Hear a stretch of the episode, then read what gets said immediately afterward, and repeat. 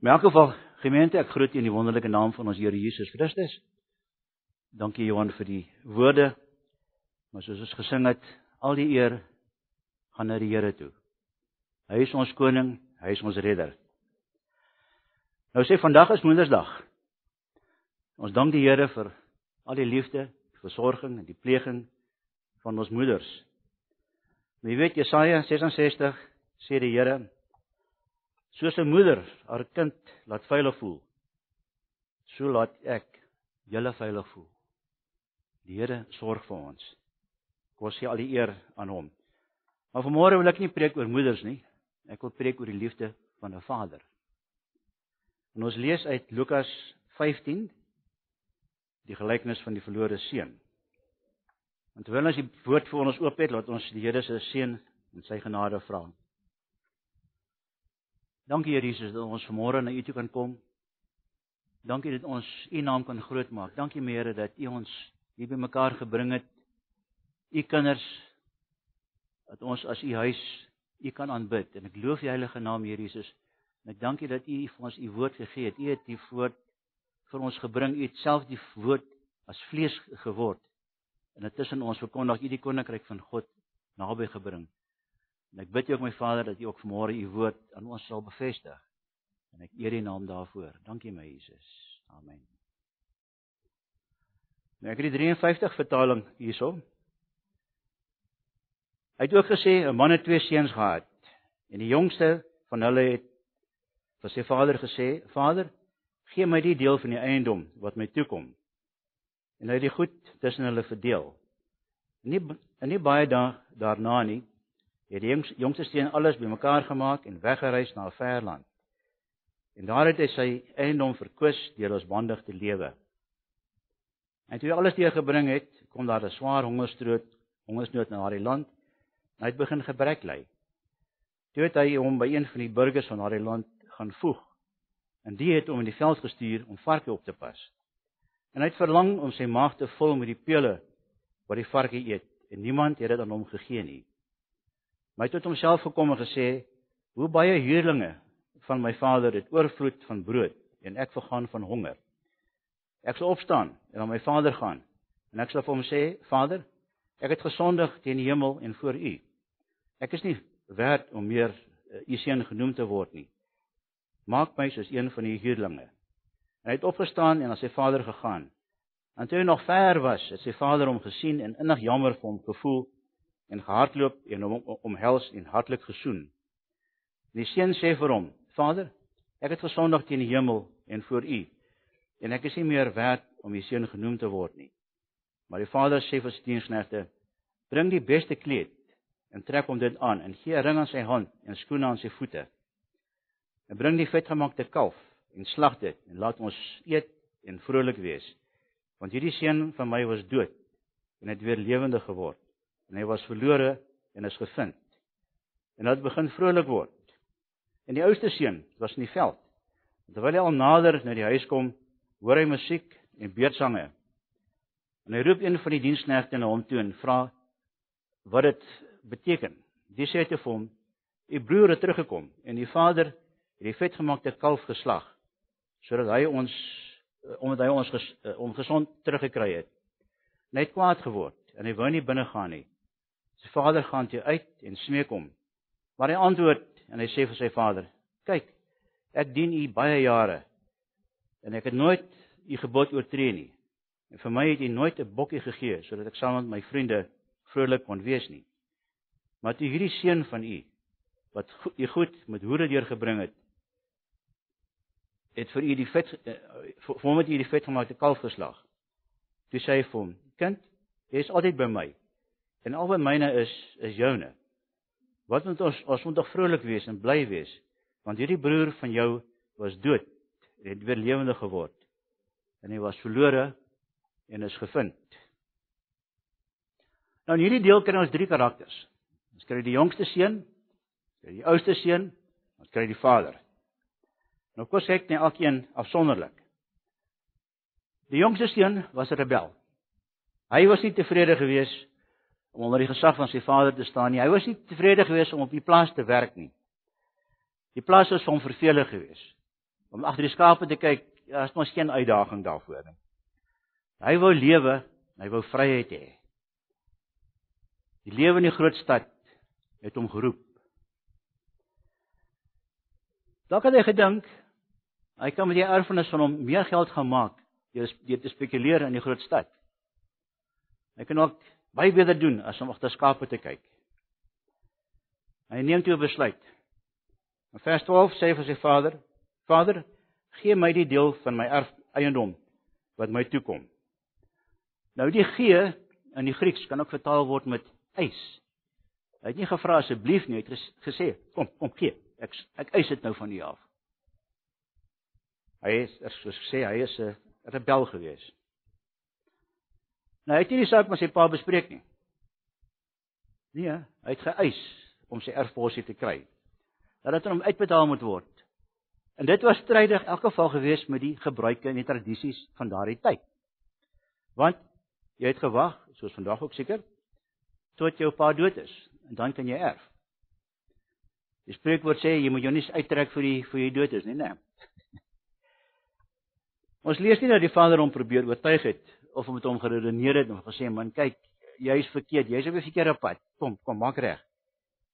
Hy het net sy eiendom verdeel en aan sy seuns gegee. Nou volgens die Ou Testamentiese wet kry die eerstgeborene altyd 'n dubbeldeel. Anderswoorde die eiendom is in 3 verdeel. Oudste seun het 2 dele gekry en die jongste seun het 1 deel gekry vir derde. Die seun het toe gegaan en hy het al daai eiendom het hy te gelde gemaak volgens die nuwe vertaling. En hy het met al die geld stad toe getrek. Nou die vraag is luister ons altyd as ons ouers vir ons goeie raad gee? Ek glo nie. Ek glo nie. In die stad in elk geval het die seun sy geld gaan verkwis. Hy het royaal en losbande gelewe. Hy het mooi klere gekoop. Hy seker nie Mercedes gehad daai tyd nie. Maar hy het lekker gelewe. Hy het groot partytjies gehou en het almal onthaal wat sy vriende was. Maar wat gebeur met iemand wat buite die wil van God leef? God los jou. God los jou op jou eie en laat kyk wat gebeur met jou. En dit het ook gebeur met die seun. Hy het alles verloor. Alles verloor hy, sy vriende, sy geld, sy mooi klere, alles is weg. En daar sit hy alleen en bankrot. Sy goeie vriende het hom ook verlaat. Want wie wil nou 'n persoon hê wat niks het as 'n vriend, 'n bankrot bankrot persoon? Niemand het belanggestel aan hom nie. Die spreekwoord sê: Lag, die wêreld lag saam met jou. Huil, en jy huil alleen. Nou nie drama wat die Here Jesus vir ons hierso beskryf het. Het daar toe 'n groot droogte in die land gekom. Nou ons Suid-Afrikaners ken nou droogte. Ons het gereeld droogtes hierso. So dit gaan rof. As daar nie kos is nie. En die jongste steen gaan toe en hy voeg hom by een van die plaaseienaars.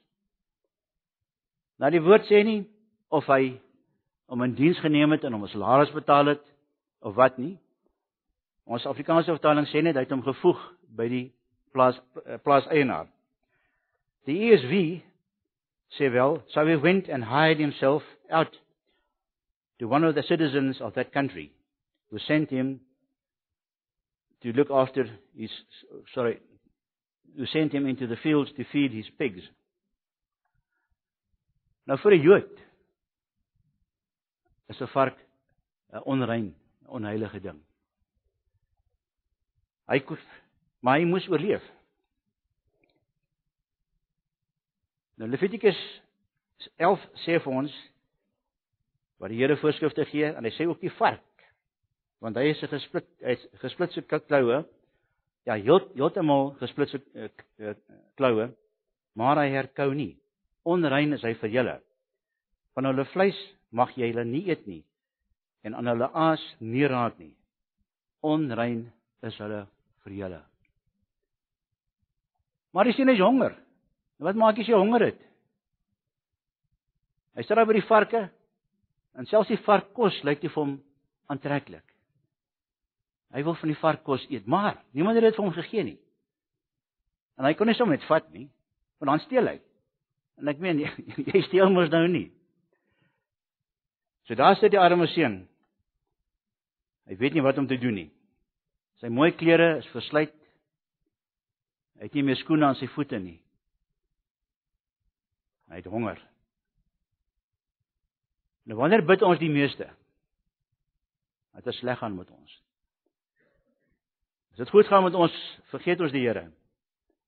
Maar as dit sleg gaan, dan is ons baie vinnig om te gaan bid. En sy gedagtes gaan terug na sy vader en hy dink, in vers 17 sê hulle: "Hoe baie huurlinge van my vader het oorvloed van brood en ek vergaan van honger." En hy besef sy fout. Hy besef hy het verkeerd gedoen. En hy sê hy neem 'n besluit dat hy moet iets doen daaraan. Hy sê ek sal opstaan en na my vader gaan. En ek sal vir hom sê Vader, ek het gesondig teen die hemel en voor U. Ek is nie meer werd om U seun genoem te word nie. Maak my soos een van U huurlinge. Dit is interessant in die Grieks word die woord doulos nie gebruik nie. Maar die woord misthios wat 'n huurling beteken. So hierdie seun, toe hy in hierdie situasie was, was bereid geweest om van 'n kind wat 'n verhewe posisie was af te gaan na 'n huurling om te gaan werk vir geld vir sy eie pa. Nie as kind nie, maar as huurling. Hy was bereid geweest om homself te verneder weens sy ongehoorsaamheid en weens sy sondes. Daarteenoor kan hy sy oudste broer. Hy was onderhoorig en gehoorsaam geweest. Maar hy was onvergenoegd geweest.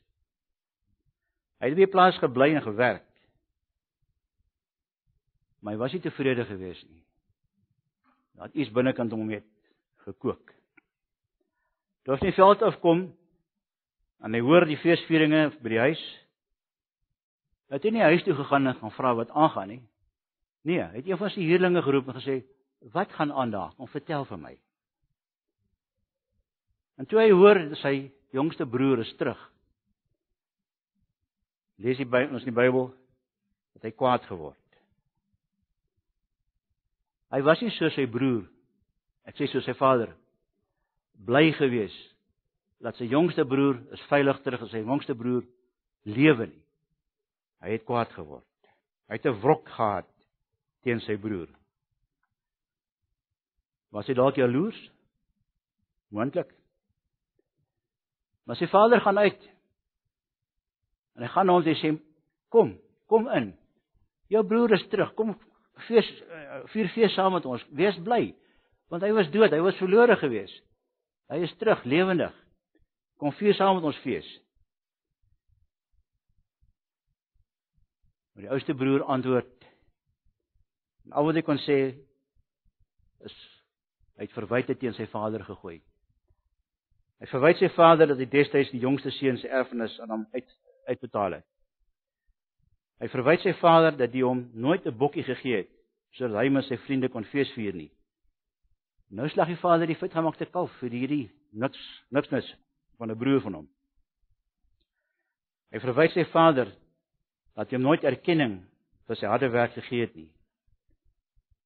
Hy verwyd sy broer wat al sy goed met hoere deurgebring het. Hy hou 'n diep hart in sy hart. Maar hy het geen liefde vir sy broer meer nie. Hy erken ook nie dat sy jongste ja jongste seun dat dit sy broer is nie.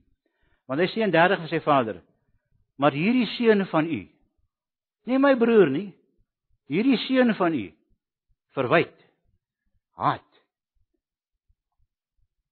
Maar wil die oudste seun nog steeds in die vader se huis was, was hy ook verlore. Hy het geen verhouding, positiewe verhouding met sy vader gehad nie. Johannes 1 Johannes 3 vers 14 tot 15 sê vir ons Hy wat sy broeder nie liefhet nie, bly in die dood. Elkeen wat sy broeder haat, is 'n moordenaar. En julle weet dat geen moordenaar die ewige lewe as iets blywends in hom het nie. Hy erken nie en hy bely nie sy haat teenoor sy teenoor sy vader en teenoor sy broer nie. Maar die derde persoon, die Vader. Die Vader het albei die seuns liefgehad. Hy het nie die een meer liefgehad as die ander nie. Hy het albei liefgehad. Soos reeds gesê, het die Vader nie die jongste seun probeer oortuig om nie die goed te vat en weg te gaan nie. Hy sê afwas seker nie geluister het nie. Maar ons sien die Vader het die pad gereeld dopgehou. Hy het gehoop sy seun kom terug. En eendag toe hy nou weer op die stoep staan en so ver kyk, sien hy daar kom 'n persoon aangestrompel met verslete klere, kaalvoet en lig in 'n swak toestand. Want hy weer mooi kyk, herken hy dit is sy jongste seun. En wat maak hy? Hardloop maak gou al die deure toe, maak of iemand by die huis is nie. maar dis wat ons doen. As daar iemand na ons toe kom, maak ons asof ons nie daar is nie. Ons kyk weg. Nee. Die vader hardloop na sy seun en hy omhels hom. En hy soen hom. En hy gee opdrag aan die huurlinge dat die beste kleed gebring moet word. Dat die seun skoon aan sy voete kry en dat hy 'n ring aan sy vinger kry. En met die ring aan sy vinger herstel hy hom as kind in die huis. Sy vader aanvaar hom onvoorwaardelik.